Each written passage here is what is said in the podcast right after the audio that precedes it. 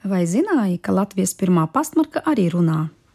Ko mēs zinām par pastmarkām? Ka tas ir papīra taisa stūris ar robainu malu un līmes kārtu aizmugurē, ka pastmarka ir jānolaiza un jāpiespiež pie pasta aploksnes, lai nosūtītu vēstuli, ka pastmarkas var vākt sērijās un ievietot īpašos albumos, grāmatās, un šo kolekcionēšanu sauc par filatēliju.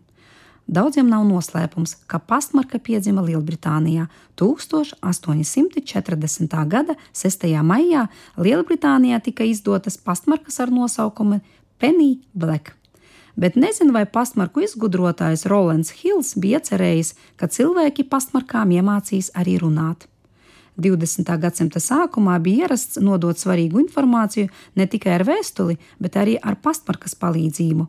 Zīmoks, kas atrodas noteiktā leņķī uz vēlamās aploknes daļas, varētu sniegt adresātam daudzveidīgu informāciju. Izdevēji kultivē pastmarku valodu un izdeva oriģinālas pastkartes, kas palīdzēja sūtītājiem un saņēmējiem saprast vienam otru. Plaši bija izplatīts mīlnieku vidū. Ja pastmarku pielīmē kā ierasts, Tas bija kā jautājums, vai varu cerēt? Ja apgriezta kājām gaisā, es būšu, ja pagriezienā pa kreisi, mēs esam pieķerti. Ik viens varēja izdomāt arī savu neatkarīgu šifru.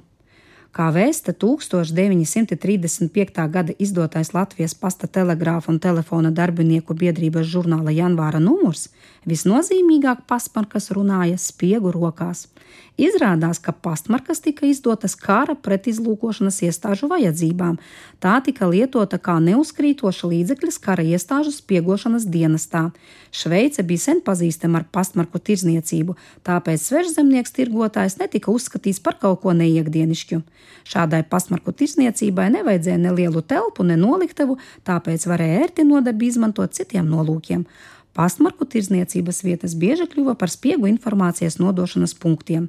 Ar šo mazo preci pastmarku varēja neuzkrītoši nosūtīt dažāda veida ziņas, līmējot markas uz atsevišķām lapām, dažādi grozot tās uz aploksnes, nolokot kādu tās stūri citādi. Londonā tika izdotas pat speciālas pastmarkas, uz kurām varēja rakstīt ar neredzamu tinti. Saņēmējs to noņemot, varēja izlasīt. Pastmarkas ir spējušas apturēt pat kara darbību. Anglija Pirmajam pasaules karam bija sagatavojusies ātrāk nekā Vācija. Vācijai pirmās kara nedēļās nebija kaut cik prasmīga spiega Anglijas teritorija. Šim uzdevumam piekrita jūras leitnants Lodijs. Pateicoties savām spējām, angļu valodas zināšanām, viņam izdevās iekļūt Anglijā un no 1914. gada augustam līdz decembra mēnesim ievākt svarīgas ziņas. Ziņu pārsūtīšanai uz Vāciju viņš izlietoja pastmarku kolekcijas, par ko angļu pretizlūkošanas iestādēm nebija pat nejausmas. Šādā veidā viņš informāciju nosūtīja arī uz Oslo, Holandi, Stokholmu un Šveici. Kara autoritātes ir pārliecinātas, Lodija darbībai liela loma bija daudzu uzbrukumu apturēšanai. Taču 1914. gada 6. decembrī viņš tika pieķerts un ar kara tiesas spriedumu nogalināts. Sūtītājs bija miris, bet pastmarka turpināja runāt, kamēr nonāca gala punktā. Padomju laikā Latvijā daudzi pastmarkas otro pusi izmantoja, lai nosūtītu informāciju, kura bija bīstami atklāti rakstīt vēstulē, jo vēstules mēdza pārbaudīt. Reizēm vēstules saņēmējs pat nesaņēmis vēstuli varēja kļūt vainīgs un apdraudēts. Ja vēstule nāca no ārzemēm un nedod Dievs pastmarkas otrajā pusē, bija kaut kas uzķeksēts. Vai Latvijas pirmā pastmarka arī runā? Latvijas Republikā pirmā pasmarka tika nodrukāta 1918.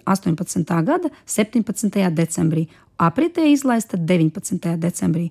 Pastmarkas otrajā pusē ir fragmenti no vācu kara kartes. Diemžēl tas nav kalpojis informācijas nodošanai, bet gan radies papīra taupības nolūkos. Pirmās Latvijas Republikas pastmarku drukai izmantoja 11,000 Vācijas impērijas armijas ģenerālštāba karšu loksnes uz vienas puses pastmarka, uz otras karte. Pastnieki pirms pastmarkas līmēšanas mēdza pasta kantoros iesmiet ar baudu spļaujiet un līmējiet.